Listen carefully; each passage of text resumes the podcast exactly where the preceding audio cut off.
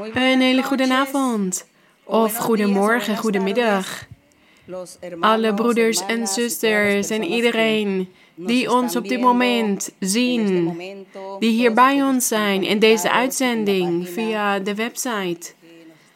Ook vanuit Europa kijken ze naar ons. In Alaska, in Patagonië, overal, van over de hele wereld kijken ze naar deze uitzending. En ook hier in de Verenigde Staten zijn er verschillende plekken waar de broeders en zusters ook naar deze uitzending aan het kijken zijn. We zijn niet in vlees samen, maar wel in geest. Want we hebben één hart voor onze God, één verlangen in ons wezen om onze God te dienen, om onze God te eren, om zijn waardigheid te erkennen. En er zijn vele broeders die op dit moment verdrietig zijn en bezorgd, want ze hadden er nooit over nagedacht hoe erg ze het zouden missen om niet meer samen te kunnen komen. En nu zien ze pas die, die leegte, dat gevoel dat we hebben omdat we nu niet meer samen kunnen komen. En dat missen we. Ja, er zijn veel mensen nu verdrietig over de hele wereld vanwege deze epidemie. En we hebben dus vele plekken van samenkomst moeten sluiten. En daarom zijn vele broeders en zusters verdrietig. En ja, we zijn verdrietig, want we kunnen niet samenkomen. We kunnen niet vrij samenkomen zoals wij dit gewend zijn.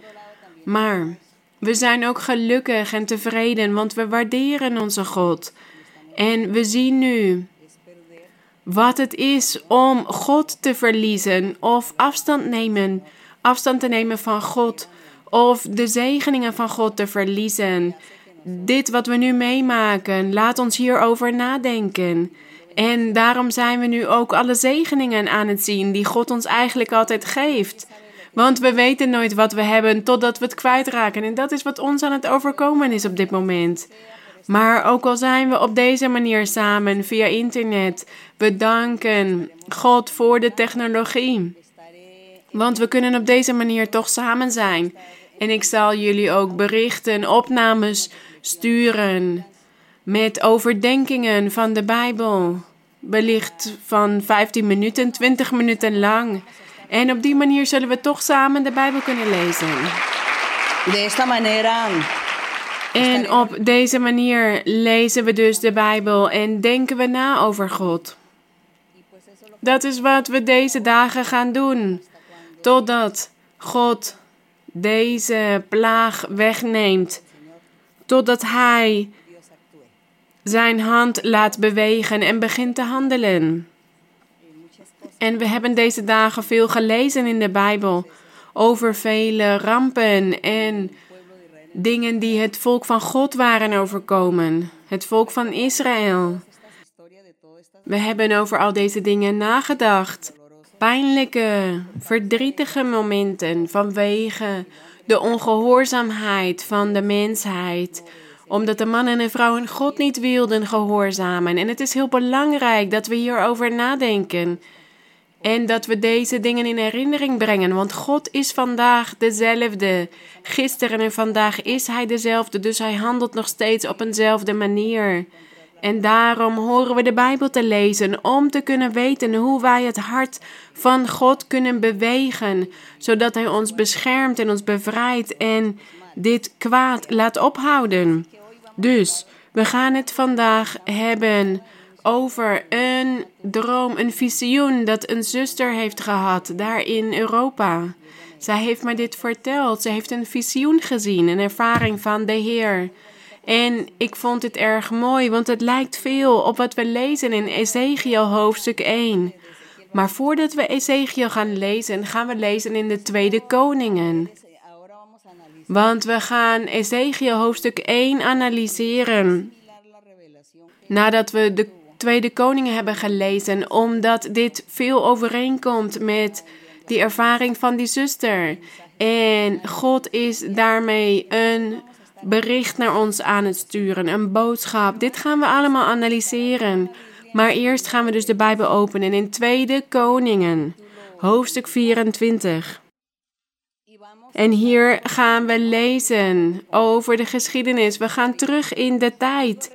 Ik zeg terug in de tijd, want gisteravond heb ik een onderricht gegeven over de manier waarop Jeruzalem was vernietigd. Hoe de stad van Jeruzalem en de tempel was vernietigd, de tempel die Salomo had gebouwd. En hoe een groep personen als ballingen naar Babel mee waren genomen, mee waren gevoerd. Daarom zeg ik dat we nu teruggaan in de tijd, want we gaan het hebben over de ene laatste koning van Israël. Joachim, koning Joachim, daar gaan we het over hebben. En we gaan kijken hoe God met hem omging en wat hier gebeurde.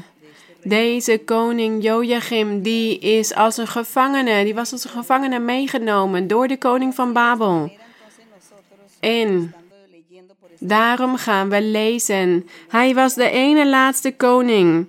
Daarna lezen we over de vernietiging van Jeruzalem dat er veel sterfte was en veel vernietiging. En toen hield het de heerlijkheid van het volk van Israël op te bestaan. Het volk van Israël in de oudheid. En we gaan nu lezen in 2 Koningen hoofdstuk 24, vers 8. Joachim was 18 jaar oud toen hij koning werd. Degene die nog staat, die mag gaan zitten, want we gaan veel versen lezen. Dus neemt u alstublieft plaats en laten we samen de Bijbel lezen. Vers 8. En hij regeerde drie maanden in Jeruzalem. De naam van zijn moeder was Nehusta, de dochter van Elnathan uit Jeruzalem. Hij deed wat slecht was in de ogen van de Heere, overeenkomstig alles wat zijn vader gedaan had. Dit is zo verdrietig dat deze koning Joachim het slechte had gedaan in de ogen van de Heere, net als zijn vader. Vers 10. In die tijd trokken de dienaren van Nebukadnezar, de koning van Babel, naar Jeruzalem en de stad werd belegerd. Nebukadnezar, ja, belegerd. Dat betekent dus dat het hele leger van Babel eromheen stond. Nebukadnezar, de koning van Babel, kwam zelf naar de stad, toen zijn dienaren die belegerden. Toen ging Joachim, de koning van Juda, de stad uit naar de koning van Babel. Hij, zijn moeder, zijn dienaren, zijn vorsten en zijn hovelingen. De koning van Babel nam hem gevangen in het achtste jaar van zijn regering. En hij voerde vandaar alle schatten, deze koning van Babel, voerde vandaar alle schatten van het huis van de Heere weg en ook de schatten van het huis van de koning. Hij haalde alle gouden voorwerpen weg die Salomo, de koning van Israël, in de tempel van de Heere gemaakt had, zoals de Heere gesproken had. Hij voerde heel Jeruzalem in ballingschap, al de vorsten, alle strijdbare helden, tienduizend gevangenen en alle ambachtslieden en smeden. Niemand werd overgelaten behalve de arme bevolking van het land. Dus dit waren de enigen die nog achterbleven in Jeruzalem, de arme bevolking van het land. Zij bleven daarachter in Jeruzalem en om de stad heen ook. Vers 15. Hij voerde Joachim weg naar Babel. Ook de moeder van de koning, de vrouwen van de koning, zijn hovelingen en de heersers van het land voerde hij in ballingschap uit Jeruzalem naar Babel. Ook alle strijdbare mannen, 7000 in aantal, en de ambachtslieden en smeden duizend in aantal, en alle helden die geoefend waren in de strijd. De koning van Babel voerde hen in ballingschap naar Babel. En de koning van Babel maakte Matanja, de oom van Joachim, koning in zijn plaats en veranderde zijn naam in Zedekia. Deze Zedekia was de laatste koning in Jeruzalem, in Israël. En nadat we nu deze versen hebben gelezen over hoe God in die tijd om was gegaan met de koning van Babel. Hij had de koning van Babel gebruikt om Jeruzalem te straffen, om de stam van Juda te straffen en het volk van Israël vanwege de slechtheid, vanwege de zonde en de hardnekkigheid in het volk. De hele tijd dat God zich had gemanifesteerd aan hen. Die krachtige God en ware God had zich gemanifesteerd aan hen. En hij wilde, deze God wilde een heilig, exclusief volk voor hem. Maar zijn volk heeft dit niet gewild en daarom heeft God op deze drastische manier gehandeld. En onder deze ballingen, deze personen die naar Babel waren meegenomen, zat ook de profeet Ezekiel. Ezekiel was een priester. De priesters in die tijd waren ook profeten. Als we de geschiedenis lezen, dan lezen we dat de profeten en de priesters uit de stam van Levi kwamen. De mannen, de mensen in de stam van Levi, zij waren die priesters en de profeten. En zij werkten voor God, zij dienden God in de tempel op heel veel verschillende manieren. Ze hadden allemaal zelf een eigen functie. Dus deze priesters waren ook profeten. En sommige zijn heel beroemde profeten geworden, anderen minder. Maar we kennen bijvoorbeeld Ezekiel, Elia, Elisa, Daniel, al die profeten die de wil van God hadden gedaan en God hebben behaagd en daarom heeft God hen bijgestaan. Dus Ezekiel was ook in deze groep. Hij was ook als een balling meegenomen naar, naar Babel. En laten we nu dus gaan naar Ezekiel hoofdstuk 1. Ezekiel hoofdstuk 1.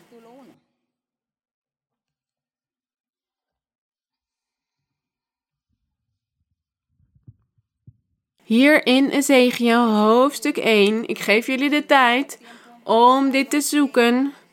Het publiek, iedereen die kijkt en luistert, iedereen die naar de uitzending aan het kijken is. Laten we zoeken naar Ezekiel hoofdstuk 1. Ik denk dat jullie er nu wel zijn.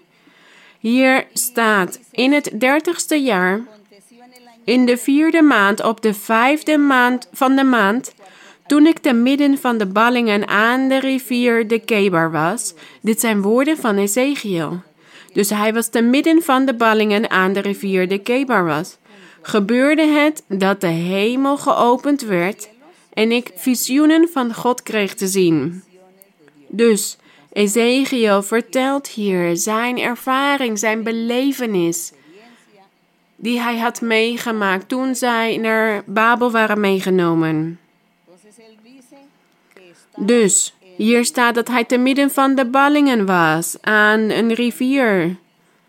En ze hadden vast aan, aan die rivier ook alle tenten van hen opgezet om daar te slapen. Ze woonden daar op die plek aan de rivier. En Ezekiel zei dus dat God hem visioenen gaf. Hier staat dat de hemel geopend werd. Vers 2 op de vijfde van de maand, het was het vijfde jaar van de ballingschap van koning Joachim, kwam het woord van de Heere uitdrukkelijk tot Ezekiel, de zoon van Buzi, de priester in het land van de Galdeën, bij de rivier de Kebar. En de hand van de Heere was daar op hem. Hij begon dus visioenen te zien. En hier staat dat de hand van de Heere op hem was. Toen zag ik en zie, een stormwind kwam uit het noorden, een grote wolk, flitsend vuur en een lichtglans eromheen. Hier staat dat er uit het noorden een stormwind kwam. Hier had hij het over de koning van Babel. Hij kwam naar het volk van Israël toe om hen te vernietigen. Hij kwam naar de stad van Jeruzalem toe. En hij werd dus gezien als een stormwind dat uit, die uit het noorden kwam, een grote wolk, flitsend vuur en een lichtglans eromheen. En uit het midden ervan kwam iets als een schittering van edelmetaal, uit het midden van het vuur. Uit het midden daarvan kwam een gedaante van vier levende wezens. Dit is wat Ezekiel zag in het visioen. Hij zag vier levende wezens. Dit was hun uiterlijk. Ze hadden de gedaante van een mens. Ieder afzonderlijk had vier gezichten en ieder afzonderlijk van hen had vier vleugels. Wij zien dit wellicht in een film als we naar de bioscoop gaan en dan zeggen we: God, dit is een, een monster. Met heel veel ogen en voeten en vleugels en hoofden. Dat is een monster. En dit is wat Ezekiel zag. Hij zag vier levende wezens die de gedaante hadden van een mens. En ze hadden vier gezichten en vier vleugels. Hun voeten waren rechte voeten en hun voetzolen waren als de voetzolen van een kalf, glinsterend als de schittering van gepolijst koper. En wij lezen nu Ezekiel hoofdstuk 1, want ik weet dat velen van jullie die de Bijbel hebben gelezen, ook Ezekiel hebben gelezen, dit boek, maar wellicht hebben jullie het niet begrepen deze visioenen toen jullie dit lazen. En daarom zijn jullie snel doorgaan lezen en dachten jullie wellicht, ja, het is niet interessant of fijn om dit te lezen, want ik begrijp het niet. Maar daarom zijn we dit nu aan het lezen. Om te zien hoe God zich manifesteert. Hoe God zich manifesteert aan de mensen. Hoe God zich manifesteert aan wie dan ook in overeenstemming met zijn wil. En deze openbaring die dus deze zuster had in Europa, die, had, die heeft ook wezens gezien in haar visioen. En zo zien we dus dat God ook aan deze zuster had laten zien wat er zou gebeuren. En het ging over wat we vandaag de dag zien, dit virus. En zij heeft dit visioen al een lange tijd geleden gehad, maar God had haar aangekondigd wat er zou gebeuren. Dus laten we hier verder lezen om hiervan te leren. Hier staat dat deze levende wezens aan hun vier zijden of aan hun voetzolen, dat ze voetzolen hadden als van een kalf en vers 8, aan hun vier zijden onder hun vleugels waren mensenhanden. Wat betreft hun gezichten en hun vleugels gold van alle vier, hun vleugels raakten elkaar. Zij draaiden zich niet om wanneer zij gingen, zij gingen ieder recht voor zich uit. En deze levende wezens die Ezekiel hier aan het beschrijven is, dit zijn geesten, krachtige geesten krachtige, sterke geesten die heel veel macht hebben om te zegenen en ook om te vernietigen, om te straffen. Vers 10. Hun gezicht leek op het gezicht van een mens, bij alle vier van rechts op de kop van een leeuw, bij alle vier van links op de kop van een rund, en alle vier hadden zij de kop van een arend. Dus ja, wat was dit? Een monster. Dit waren monsters. Want we zien dat er verschillende dieren in verwerkt waren. Dus verschillende lichaamsdelen van deze levende wezens stelden verschillende dieren voor. Als we bijvoorbeeld kijken naar een leeuw. Een leeuw is een wild dier, een gevaarlijk dier, een sterk dier. Of als wij kijken naar een rund. Wat, is dan, wat zijn de eigenschappen van een rund? En bijvoorbeeld een arend. Een arend die heel hoog vliegt. En die van kilometers van afstand toch alles op een perfecte manier kan zien. Dus die heeft een perfect zicht. En al deze dieren hebben verschillende eigenschappen. En zie, deze wezens hadden al deze eigenschappen. Dus hoe machtig, hoe krachtig waren zij wel niet in die tijd? En zij waren dus om bijvoorbeeld een heel land te kunnen vernietigen. Vers 11. Hun gezichten en hun vleugels waren naar boven uitgestrekt.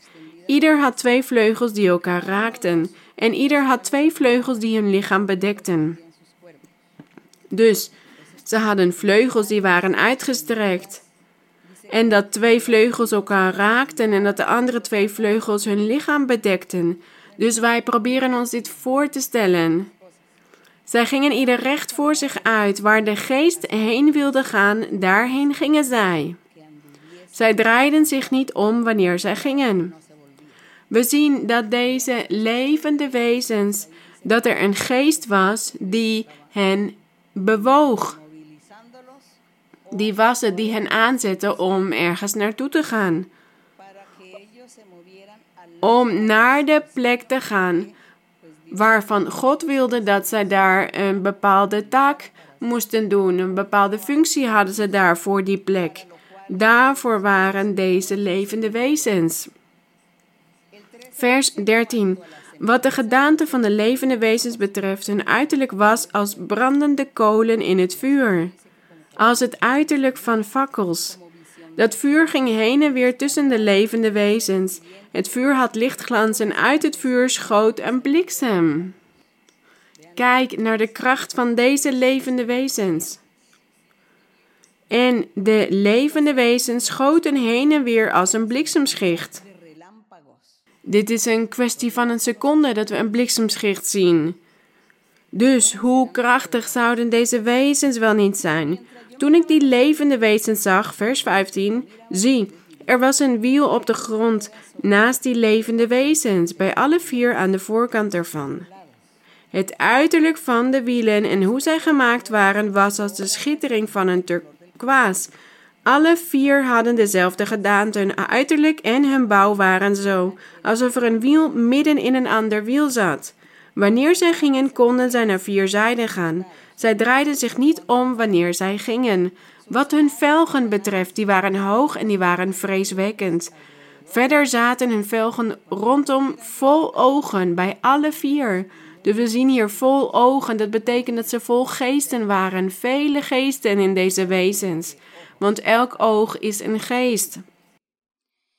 Vers 19. Wanneer de levende wezens gingen, gingen die wielen naast hen mee. En wanneer de levende wezens werden opgeheven van de aarde, werden ook de wielen opgeheven.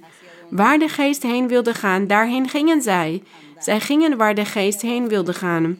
De wielen werden tegelijk met hen opgeheven, want de geest van de levende wezens was in die wielen. Ik denk dat Ezekiel, toen hij deze visioenen zag, dat hij hierdoor onrustig was geworden of geschrokken of verbaasd, omdat hij deze dingen zag en ze niet begreep. Hij begreep het niet, wat het allemaal betekende. Maar nu, dankzij de Heer, de Heer heeft ons zoveel helderheid gegeven wat betreft zijn woord en daarom is het nu makkelijk om te begrijpen. Want God heeft toegestaan dat wij zijn woord kunnen begrijpen dankzij zijn evangelie dankzij de aanwezigheid van de Heilige Geest in ons midden. Dus Ezekiel begreep dit niet, maar wij zijn dit wel aan het begrijpen. En deze openbaringen van Ezekiel, dit is allemaal vervuld. Wanneer? Dat zullen we zo zien als we hier dit hoofdstuk af hebben gelezen. Dan zullen we het daarover hebben. Vers 21. Wanneer zij gingen, dus wanneer die levende wezens gingen, zij werden bewogen door de geest. Hier staat, wanneer zij gingen, gingen die ook, dus die wielen. Wanneer zij stilstonden, stonden die ook stil. Wanneer zij van de aarde werden opgeheven, werden de wielen tegelijk met hen opgeheven, want de geest van de levende wezens was in die wielen. En boven de hoofden van de levende wezens was iets wat leek op een gewelf, als de schittering van onzagwekkend ijskristal, van boven over hun hoofden uitgespannen. Onder het gewelf stonden hun vleugels recht naar elkaar toe. Ieder had er twee die hun lichamen van voren bedekten, en ieder had er twee die hun lichaam van achteren bedekten. Ik hoorde toen zij gingen het geruis van hun vleugels. Het klonk als het bruisen van machtige wateren, als de stem van de Almachtige, als het geluid van een gedruis, als het geluid van een leger. Als zij stilstonden, lieten zij hun vleugels hangen. Dus deze wezens die God aan Ezekiel aan het zien laten was, dit waren heel machtige wezens. Dit was de heerschappij, de omvang van dat grote rijk van Babel, dat Jeruzalem zou vernietigen, Israël zou verslaan. Dit was het leger van Babylonië, het leger van Babel. Allemaal sterke, machtige mannen, dappere helden, dappere strijders die naar Jeruzalem zouden komen om het te vernietigen. Ze hadden de stad al belegerd en ze hadden dus al een groep mensen meegenomen als ballingen naar Babel. En toen Ezekiel meegenomen was naar Babel, heeft hij de vernietiging van Israël niet gezien. Hij was onder de ballingen meegenomen naar Babel. Dus hij had niet gezien, hij heeft de vernietiging van Jeruzalem niet gezien. En vele jaren later zijn deze visioenen van Ezekiel, die Ezekiel had gezien, vervuld. Toen de koning van Babel met zijn hele leger Jeruzalem had vernietigd. Maar God had hem dus de kracht, de grootheid, de omvang van dat rijk laten zien. Door middel van deze figuren of illustraties. Deze levende wezens, krachtige wezens met koppen van bepaalde dieren en het lichaam ook van bepaalde dieren. En met vele geesten in zich die hen lieten bewegen. En ze vlogen door de lucht. En dit was wat het volk van Israël zou overkomen. Dat is wat God aan Ezekiel liet zien. Maar Ezekiel begreep dit niet op dat moment. Maar laten we verder lezen, vers 25. Toen kwam er een stem van boven het gewelf dat boven hun hoofden was. Als ze stilstonden, lieten zij hun vleugels hangen.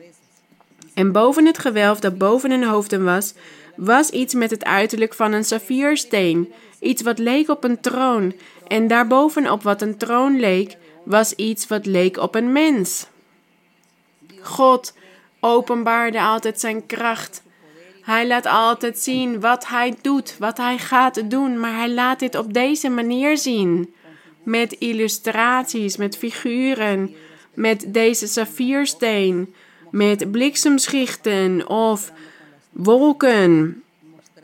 Hij gebruikt de krachten van de natuur om aan de mensen te laten zien wat hij van plan is met de mensheid.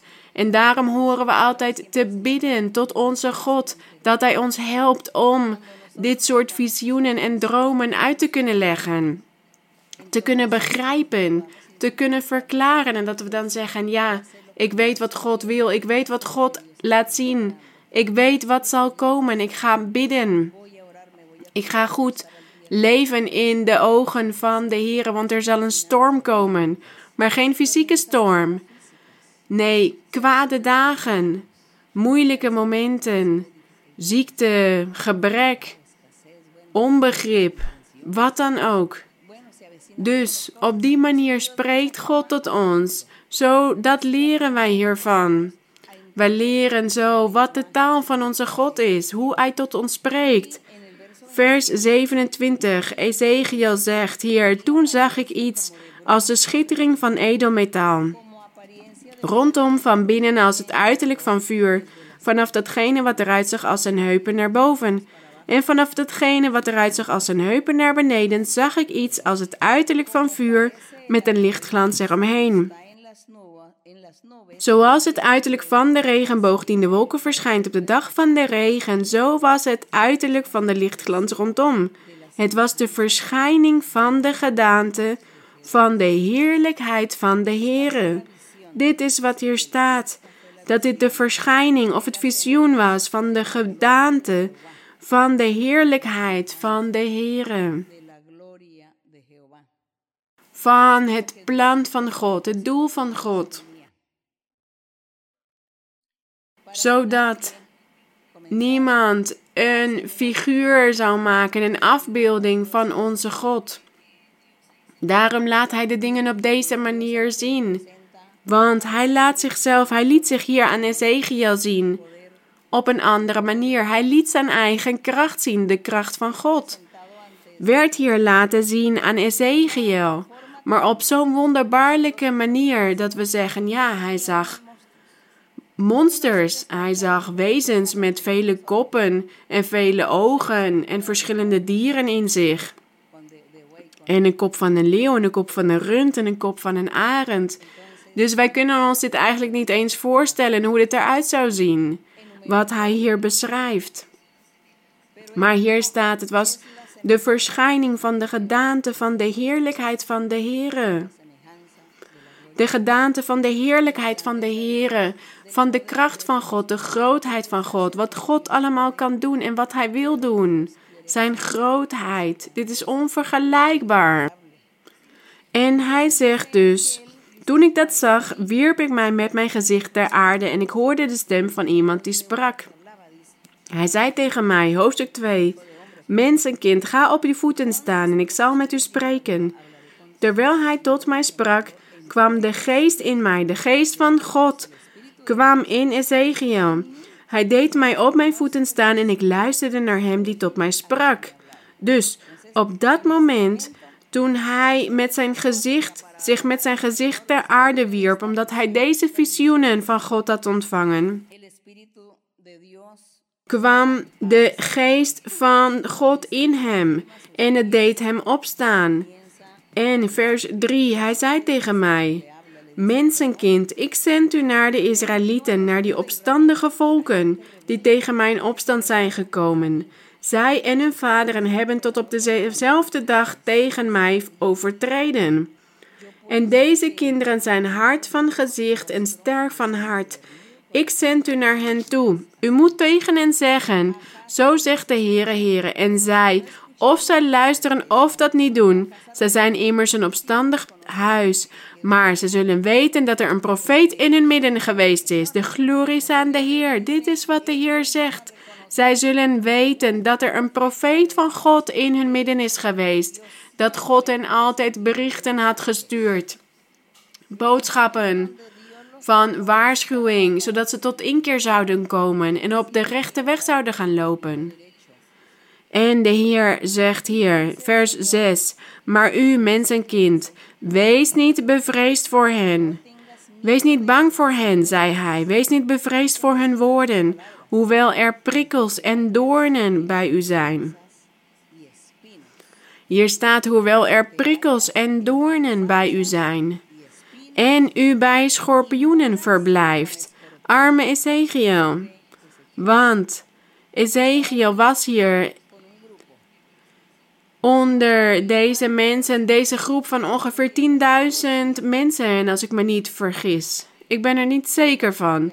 Maar het zijn in ieder geval duizenden mensen die als ballingen naar Babel waren gevoerd door de koning van Babel. En die waren bij die rivier.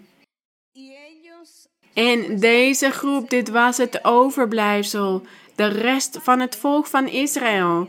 Een deel van de rest dat God had uitgekozen. Want God wilde de hele stad en het hele land van Israël vernietigen. En daarom had hij een overblijfsel uitgekozen om hen als ballingen naar, naar Babel te laten voeren. Want dit was de manier waarop God hun leven zou sparen. En waarom zou God de leven sparen van dit overblijfsel van het volk van Israël? Dit hebben we al vaak besproken. Omdat uit dit overblijfsel, uit deze rest van het volk van Israël, de Heer Jezus Christus zou voortkomen. Daarom heeft God van dit overblijfsel hun leven gespaard. Niet omdat ze zo goed waren, want zij waren ook zondaars. En ze waren ook afgodendienaars geworden. Maar de Heer Jezus Christus is uit hen voortgekomen. En hier staat dus in vers 6: Wees niet bevreesd voor hen, voor hun woorden, hoewel er prikkels en doornen bij u zijn. Prikkels en doornen, ja, die komen van struiken. En die prikken. En hier staat ook dat u bij schorpioenen verblijft. We weten wat schorpioenen zijn. Een schorpioen kan zelfs het leven afnemen van iemand als hij die persoon bijt. Vanwege het gif kan die persoon dan overlijden. En God zegt dus tegen Ezekiel: Jij verblijft bij de schorpioenen. Maar hij had het hier over het overblijfsel van het volk van Israël. Wat een verdriet dat God hen zag als prikkels en doornen en schorpioenen. Maar goed, God is barmhartig met hen geweest omdat de Heer Jezus Christus uit hen voort is gekomen. Wees niet ontsteld voor hun blik, want ze zijn een opstandig huis. Maar u moet mijn woorden tot hen spreken. Of zij luisteren of dat niet doen, want zij zijn opstandig. Maar u mensenkind, luister naar wat ik tot u spreek. Wees niet opstandig. Zoals dit opstandige huis. Hij had het hier over Jeruzalem en Juda. Dit opstandige huis. Doe uw mond open en eet wat ik u geef. Toen zag ik en zie, er was een hand naar mij uitgestoken. En zie, daarin was een boekrol. En hij spreidde die voor mijn gezicht uit. Hij was van voren en van achteren beschreven. Er waren klaagliederen, zuchten en weeklachten opgeschreven. Hieronder zijn ook de klaagliederen van Jeremia. En dit waren dus klaagliederen en zuchten en weeklachten. Dit waren trieste woorden woorden van jammerklachten, want God had het over alles wat er het volk van Israël zou overkomen. De straf die ze zouden ontvangen vanwege hun ongehoorzaamheid. En God zei dus tegen Ezekiel: Eet de boegron. Hij moest het eten. Dit was in de geest van God. De geest van God was over hem gekomen en daarom zag hij dit visioen. En in dit visioen at hij dus dit boekrol op. Want hier staat: Mensenkind, geef uw buik te eten, vul uw binnenste met deze rol die ik u geef. Toen at ik en hij werd in mijn mond als honing zo zoet. Maar verderop lezen we dat hij nadat hij deze boekrol had gegeten, dat hij daarna bitter bedroefd was geworden en hevig ontdaan.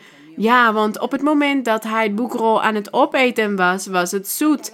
Net als het woord van God, als, woord, als God tot ons spreekt.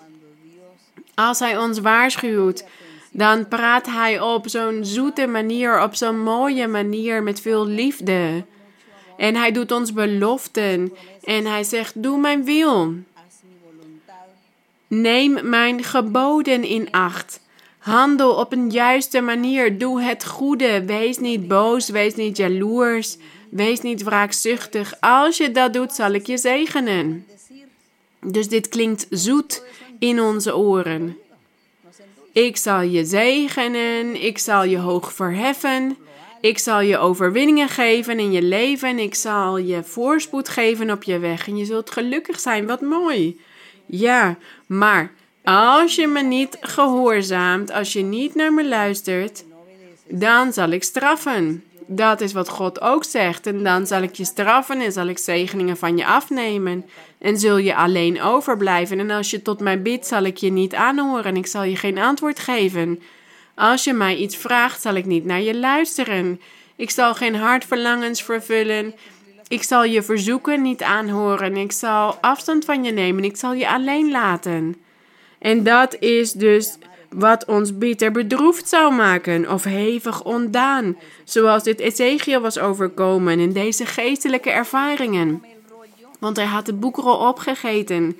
Dit waren die waarschuwingen van God die hij ons geeft met veel liefde. Maar als de persoon opstandig blijft en niet de wil van God doet, dan zal God hem ook de andere weg laten zien dan zal hij zeggen: Je zal dit, dit of dit zal je overkomen. Dus je zal geen overwinningen ontvangen, maar juist straf. En dat is zo verdrietig. En hier staat dus over Ezekiel dat hij bitter bedroefd was geraakt. Dit is zo mooi om te lezen. Dit boek Ezekiel. Want Ezekiel begon het volk van God te verkondigen en te profeteren dat ze tot inkeer moesten komen. Maar niemand wilde luisteren, niemand heeft geluisterd. En daarom is dit vervuld wat we net hebben gelezen. Of zij nou luisteren of dat niet doen, spreek tot hen. Ook al luisteren ze niet, doe jouw werk. Dat is wat God tegen hem zei. En in het evangelie van de Heer geeft God ons ook gaven, geestelijke gaven. En hij geeft ons vele beloften en vele taken en functies in de kerk. Om hem te dienen, om voor hem te werken. En hij zegt dat wij die dingen horen te doen, dat we zijn wil ook horen te doen. Maar soms worden we bang, zijn we bevreesd. Hebben we angst of twijfel in ons? Of wantrouwen? Zal ik het doen? Zal ik het niet doen? Laat ik die anderen maar werken. Laat ik die anderen maar dienen. Ik ga dit niet doen. Want ik ben bang. Of ik twijfel. Of ik wantrouw. En wellicht zegt die persoon ook: ja, de mensen zullen mij niet geloven. Ze zullen niet naar mij luisteren. Dus waarom zou ik tot hen spreken? Dit zijn dingen die ons kunnen overkomen. En ons wellicht allemaal een keer is overkomen. Dat wij ons dit hebben afgevraagd. In de, dat we deze gedachten hadden van ja, zal ik het wel doen, zal ik het niet doen, zullen ze wel luisteren, zullen ze niet luisteren. En, zo, en dan gehoorzamen wij God niet. Maar als we de Bijbel lezen, dan lezen we dat God zegt. God zei bijvoorbeeld tegen Ezekiel: Of zij luisteren of dat niet doen. Jij moet spreken. Spreek tot hen. Zij zijn hardnekkig, maar jij moet je plicht vervullen. Werk voor mij. Werk die geestelijke gaven die ik je heb gegeven. En wees niet bevreesd als ze je bekritiseren, of als ze ja zeggen of nee zeggen, of als ze je woorden verwerpen. Als ze zeggen: Dit is een leugen, ik geloof je niet. Dat maakt niet uit. Vervul je plicht. Want de Heer is het die die ongehoorzamen zal verwerpen. Want de Heer verwerpt de ongehoorzamen. Maar Hij wil juist dat wij Hem gehoorzamen. En als wij deze hoofdstukken lezen, hoofdstuk 3 en de hoofdstukken die daarna komen, dan lezen we dat de Heer Ezekiel niet heeft uitgelegd wat die wezens nou betekenden. Maar dit waren dus die krachtige wezens, die krachtige geesten die God zou sturen naar de koning van Babel en zijn legers. Hij zou hen de heerschappij geven, kracht, macht, gezag om te kunnen vernietigen. En vandaag de dag, in het evangelie van de Heer, zien we dat God ons ook dingen laten zien. Hij kondigt de slechte dagen aan, de kwade dagen die de mensheid zal meemaken. En daarom heb ik jullie verteld over dit visioen dat deze Europese zuster heeft gehad. Zij heeft mij dit verteld. En ik moest toen meteen denken aan dit hoofdstuk van Ezekiel. En zij zag ook in dit visioen, zij hoorde de stem van God. En dat God tegen haar zei dat, deze, dat dit dingen waren die de mensheid zou overkomen. En dat zij daarom zich moest voorbereiden, dat ze God moest zoeken tot hem moest bidden en op hem moest vertrouwen. Want deze kwade dagen zouden komen.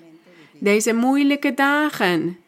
En zij zegt dat wat we nu aan het beleven zijn, dat dit te maken heeft met dat visioen. En ja, ik kijk ernaar en denk ik, ja, dit heeft, ze heeft hier gelijk in. Want dit komt erg overeen met hoofdstuk 1 van Ezekiel. Want God had ook door middel van deze levende, krachtige wezens aan Ezekiel laten zien dat hij de stad van Jeruzalem, de stam van Juda, wilde straffen. Dat dit de straf was die hij zou sturen, op een symbolische manier, omdat ze ongehoorzaam waren geweest. En nu in deze tijd in het evangelie laat God hetzelfde zien. Dus zien jullie wel dat God dezelfde is gisteren en vandaag? En hij liet haar dus dit ook zien, deze levende wezens en grote wagens, en dat dit zou komen. En dit is dus die kracht van die geesten. Hoe krachtig zal deze geest wel niet zijn van dit virus? Wat voor een beest of wat voor een levend wezen zou dit wel niet zijn? Op een symbolische manier, want het gaat over de hele wereld en besmet mensen over de hele wereld. Het is een heel krachtige kwade geest. En het doet veel kwaad. Het richt veel schade aan. Over de hele wereld maar. Wij hebben iemand die ons kan redden, die ons kan helpen. Maar de Heer wil dat wij Hem gehoorzamen en dat wij voor Hem werken. Dat wij Hem dienen en dat wij oprecht leven in Zijn ogen en dat we de geestelijke gaven ontvangen en dat we Hem zo gaan dienen. Ik ben er zeker van dat we in deze tijd van crisis, dat er zoveel zijn onder ons die nu God aan het, tot God aan het bidden zijn en de vrijheid geven aan de Heilige Geest, zodat God hen ook openbaart wat er allemaal aan het gebeuren is en waarom. En of de Heer barmhartigheid gaat hebben of Hij ons gaat beschermen. Want ik denk ook dat er al velen zijn, broeders en zusters, die ook familieleden hebben die slachtoffer zijn geworden van dit virus of van deze besmettelijke ziekte. En zijn jullie wel aan het bidden tot God? Zijn jullie God wel aan het aanroepen? Want wij horen God aan te roepen en tot Hem te bidden, zodat Hij tot ons gaat spreken. Want het is niet zo dat God openbaart aan maar één, aan één persoon of alleen maar aan de pastoor of aan de leider van de kerk. Nee, iedereen, wij allemaal zijn verantwoordelijk over onszelf en ook we zijn verantwoordelijk voor onszelf en voor de kerk, want we hebben allemaal een taak van God ontvangen, een functie om uit te voeren. Dus we zijn allemaal verantwoordelijk in de ogen van God. Wat is onze verantwoordelijkheid? Bidden tot God. En als iemand u opbeeldt en zegt: Ja, dit gebeurt hier, of deze persoon of iemand van de kerk is ziek geworden, is besmet door dit virus. Wat is uw plicht? Dan om te knielen tot onze God en God om barmhartigheid te vragen. En ook vrijheid te geven aan de Heilige Geest, zodat God tot u begint te spreken. Waarom zijn we bang? Waarom zou er angst zijn onder ons? Net zoals God tegen Ezekiel zei: Wees niet bevreesd. Wees niet bevreesd of ze nou luisteren of niet. Of ze nou geloven of niet. Of ze nou opstandig zijn. Of je nou te midden van schorpioenen verblijft. Of prikkels en doornen. Dat is hetzelfde. Waar wacht je op? Maak je geen zorgen. Verwacht je wat van de mensen? Verwacht niks van de mensen. Verwacht alles van mij en gehoorzaam mij. Dat is wat God tegen ons zegt. Dat is wat hij zei tegen Ezekiel. En vandaag de dag zegt hij hetzelfde tegen ons. Dat wij op hem moeten hopen en bidden. En dat we niet zeggen: Oh, wat moet ik nu doen? Wat moet ik nu doen? Moet ik naar het noorden, naar het zuiden of blijf ik hier? Nee, bid tot God. Bid tot God en vraag aan de Heer om u te helpen, om u te leiden. En God zal bij u zijn om u te leiden, om u raad te geven. Om u te zeggen wat u hoort te doen. Dus bid tot God en vertrouw op God, zodat dit snel voorbij gaat. En in deze dagen dat de plekken van samenkomst gesloten moeten zijn. Wellicht is God harten aan het beproeven hiermee. Wellicht is God de mensen aan het beproeven hiermee. Om te kijken of de mensen wel naar de kerk gaan om echt God te zoeken of alleen maar om profetie te vragen. Want er zijn mensen die gaan alleen maar naar de kerk om profetie te vragen. Er zijn mensen die zien de dingen van God als waarzeggerij. Die komen elke zondag naar de kerk maar om alleen om profetie te ontvangen. Maar we zien nu al deze regels, al deze maatregelen over de hele wereld. En er was in een bepaald land was er een tempel, een plek van samenkomst nog wel open. Maar er mochten geen handen opgelegd worden of geen profetie gegeven worden vanwege het fysieke contact dat daarvoor nodig is. En er waren mensen die waren toen boos geworden. Die zeiden: Oh nee, als er geen handoplegging zal zijn en geen profetie, waarom zouden we dan gaan? Dan kunnen we beter thuis blijven. Is dat juist? Is dat rechtvaardig? Nee, dat is niet rechtvaardig. Waarom gaan we dan naar de kerk? Alleen maar om profetie te ontvangen? Dan zien wij de dingen van God als waarzeggerij. En daar wordt God boos om. Daarom is hij boos. Dus God wil dat wij Hem loven, dat wij Hem eren. In goede tijden, in slechte tijden. Ook op kwade dagen, in de kwade dagen.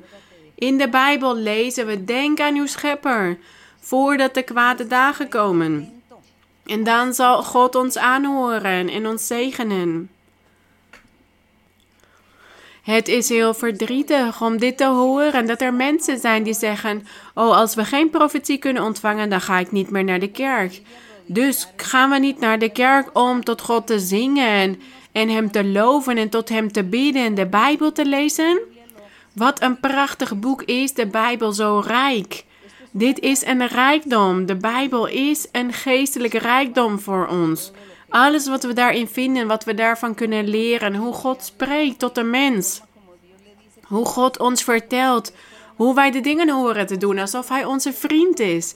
Dus hoe mooi als wij genieten van de lezing, als wij God zoeken op die manier. En we danken God voor de geestelijke gaven. Ja, zeker. Maar wij horen dit niet als het belangrijkste te zien, als het enigste te zien. Dat we alleen maar naar de kerk toe gaan om de geestelijke gaven, om profetie te ontvangen. Nee, broeders en zusters over de hele wereld. Iedereen die naar deze uitzending aan het kijken is. Laten we ons hiervoor behoeden. Want zoals God in die tijd deze, pracht, deze krachtige levende wezens had gestuurd naar het volk van Israël om te vernietigen. Vandaag de dag is hij hetzelfde aan het doen met dit virus. Dit virus is ook een levend wezen.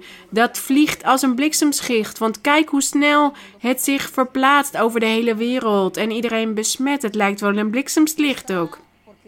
En hij bestaat omdat God dit wil. Maar hij heeft dit toegestaan. Maar hij heeft wel belofte gedaan aan zijn kinderen om hen te redden. Maar de vraag is dus: wie zijn de kinderen van God? Hopelijk zijn wij dit allemaal. Hopelijk zijn wij allemaal de kinderen van God. Want hij zei: Ik zal mijn kinderen beschermen. Ik zal de rechtvaardigen beschermen, degene die mijn wil doen. Maar wij weten zelf niet wie allemaal rechtvaardig is en wie allemaal de wil van God doet. Dus wellicht zeggen wij: Ja, ik hoop dat ik daaronder val. Of ik hoop dat hij of zij daaronder valt. Maar, broeders en zusters. We horen God de plek te geven die Hij verdient. Van God houden.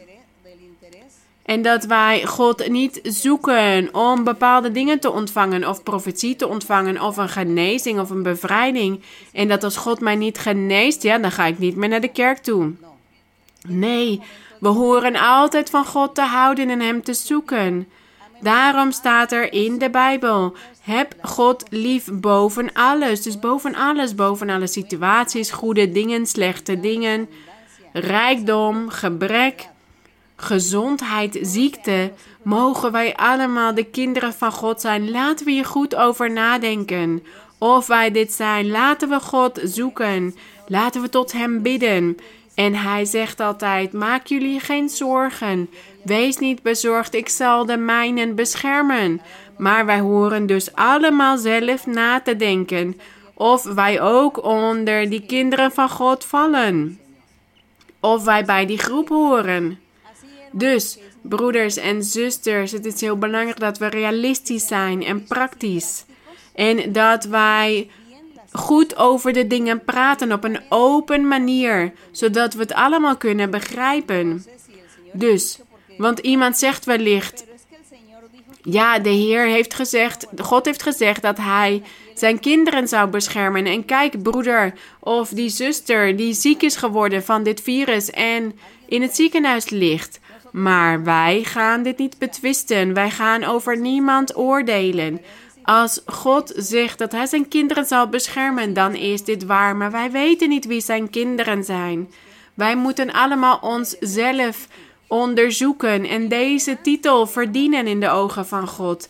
En wat de rest betreft zeggen wij gewoon: Heer, kijk naar die man of die vrouw die naar uw kerk toe kwam en nu ziek is geworden en in het ziekenhuis ligt. Wellicht heeft u toegestaan om een wonder in hem te verrichten, om te laten zien dat u bestaat. Daarom heeft u wellicht toegestaan dat hij ziek is geworden, zodat u een wonder kan doen. Dus wij gaan niet zeggen: Ah, degene die ziek is geworden van dit virus is het. Leefde in zonde en daarom is hij ziek geworden. Nee. En we gaan ook niet zeggen: dit is dus niet een kind van God. Nee, we gaan niet niemand veroordelen. We gaan niemand bekritiseren. We zeggen gewoon: het zal wel een beproeving van onze God zijn voor die persoon. Dus laten we voor elkaar bidden. Als iemand tegen u zegt: die persoon, die broeder of die zuster is ziek geworden, laten we dan gaan bidden voor die persoon. Of als het een vriend is of een familielid. Dat is onze plicht tot God bidden om om barmhartigheid te vragen, want daarvoor heeft God ons gaven gegeven. En laten we dus niet wachten totdat de pastoor of de prediker of de leider het werk gaat doen. Nee, we hebben allemaal die plicht om te werken voor God. Mijn geliefde broeders, Laten we doorgaan, voorwaarts. En laten we God vragen om deze dagen snel voorbij te laten gaan. Dat dit snel op mag houden. En dat de tempels weer, de plekken van samenkomst weer open kunnen gaan. Om de naam van onze Heer te eren, te loven. Laten we gaan bidden. Laten we gaan bidden tot onze God om afscheid te nemen. Om deze dienst af te sluiten, dit onderricht. En wellicht lijkt dit hard of drastisch, maar dit is niet zo. Het is beter om dit op een openlijke manier te bespreken, zodat we dit allemaal kunnen begrijpen. En God is liefde, God is barmhartigheid en Hij zal ons aanhoren. Maar wij moeten ook aan God geven wat Hij verdient. Laten we gaan bidden tot onze God. En laten we Hem vragen om deze plaag snel weg te nemen, binnenkort, dit virus. Want dit is een heel moeilijke situatie. En het kan nog veel moeilijker worden. Wellicht komt er armoede, gebrek vanwege dit virus, fysiek gebrek en ook geestelijk gebrek, omdat de kerk niet open kan. En fysiek gebrek, want ja, als de grenzen allemaal dicht gaan en er geen vliegtuigen meer heen en weer vliegen, waar komt dan het eten vandaan? Hoe wordt dan het eten vervoerd? Dus dat is het eerste wat op zou houden er te zijn. En we willen dit soort momenten niet meemaken. Dit soort momenten zoals we lezen over wat het volk van Israël had meegemaakt. Wij willen hier niet op wachten. Wij willen juist God bewegen om barmhartig te zijn, zodat Hij onze gebeden aanhoort. Laten we bidden. Gezegende God, gezegende Vader, eeuwige God, heilige Vader, zo, Vader van de Heer Jezus Christus, eeuwige God, vader van Abraham en Mozes en Jacob. Al deze personages. God van Daniel, van Ezekiel. U heeft gesproken tot Ezekiel. U heeft hem visioenen gegeven over wat er zou gebeuren en hij heeft het niet begrepen. Maar hij heeft wel zijn taak vervuld, die taak die u hem had gegeven, want hij begon te prediken en te profiteren. Tot het overblijfsel van het volk van Israël. En hij stuurde ook berichten naar het volk dat over was gebleven in Jeruzalem. En de leiders van Jeruzalem, van Israël. Hij begon te profiteren en hij begon de boodschappen door te geven, maar niemand heeft hier naar geluisterd. Maar hij heeft u wel gehoorzaamd. En wij vandaag, wij zijn ook mensen net als Ezekiel. Wij hebben ook een krachtige God nodig, zoals hij dit had. Een troostende God. Een God die ons zal onderwijzen en ons zal leiden. Een God die over ons zal heersen met zijn kracht, die ons zal onderwijzen en verbeteren. Die krachtige God waar wij altijd naar zoeken en die wij altijd willen vasthouden in ons hart. Dat bent u, mijn God, Almachtige. Laat ons niet los. Laat ons niet los. Maar laat ons altijd aan uw boom vastzitten. Help ons, mijn Heer. Help ons en geef iedereen inzicht en intelligentie en wijsheid en kennis. Zoals u dat beloofd heeft, mijn Heer, over de geestelijke gaven. Dat u aan sommigen de gaven van kennis zal geven. En wijsheid en waarheid. En daar wachten wij op, mijn Heer. Zodat wij kunnen handelen op een wijze manier, zonder fouten te begaan. Zonder fouten te begaan. En zonder u te beledigen, mijn Heer, maar juist uw wil in acht te nemen. Help ons, mijn Heer, om op een rechte manier deze weg te belopen, om het kwaad, de zonde af te werpen. Want dat is wat u ons heeft opgedragen. Kijk naar ons. Kijk naar ons. U ziet ons elke dag. U kijkt naar ons, wat wij doen. U ziet alles. U ziet onze handelingen. U ziet alles wat wij doen, ons wandelen, ons komen en gaan is wat u ziet. En u ziet hoe wij thuis zijn. Help ons, mijn Heer. Leid ons en onderwijs ons altijd. En neem uit ons vlees die zwakheden weg en alles wat ons vastbindt, die ketens waarmee de duivel ons heeft willen vastketenen, zodat we slaven zijn en geen vrijheid hebben om uw wil te doen en u te behagen. Bevrijd ons, mijn Heer, om goed na te kunnen denken en alles goed te kunnen doen. Strek uw genezende hand ook uit. Kijk naar alle personen die ziek zijn. Degenen die ziek zijn van kanker of andere ongeneeslijke ziekten. En niet alleen degenen die ongeneeslijke ziekten hebben, maar ook dit virus, mijn Heer, wat nu over de hele wereld gaat, dit monster. Dit grote monster en krachtige monster dat u heeft toegestaan, dat hij over de aarde gaat om mensen kwaad te doen. Maar onder die mensen zijn er ook velen die naar uw kerk toe komen en zij zijn ook besmet geraakt met deze ziekte. Maar wij wachten op uw barmhartigheid en wij bidden tot u om naar hen om te kijken met barmhartigheid, met liefde naar deze personen en reinig hen, genees hen, bevrijd hen zoals u dit al met verschillende broeders en zusters heeft gedaan. Vanwege uw barmhartigheid, uw liefde, uw woord.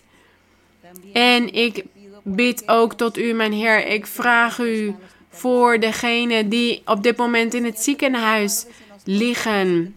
Bescherm hen en vernietig de kracht van de duivel, van het kwaad. Vernietig deze wezens die zoveel kwaad aan het aanrichten zijn op de wereld. Sta toe, mijn Heer, dat de mensen u leren kennen dat ze u leren kennen en dat ze weten dat u bestaat. Dat er een krachtige God bestaat die zich manifesteert. Dat er een God bestaat die wij kunnen aanroepen. En dat die God ons antwoord geeft en ons zegent. Dat die krachtige God tot ons spreekt en ons leidt. En dat die bij ons is. Dat de wereld dit mogen kennen, mijn Heer, dat de wereld dit mogen weten. Laat hen niet onwetend blijven wat betreft uw bestaan, mijn Heer.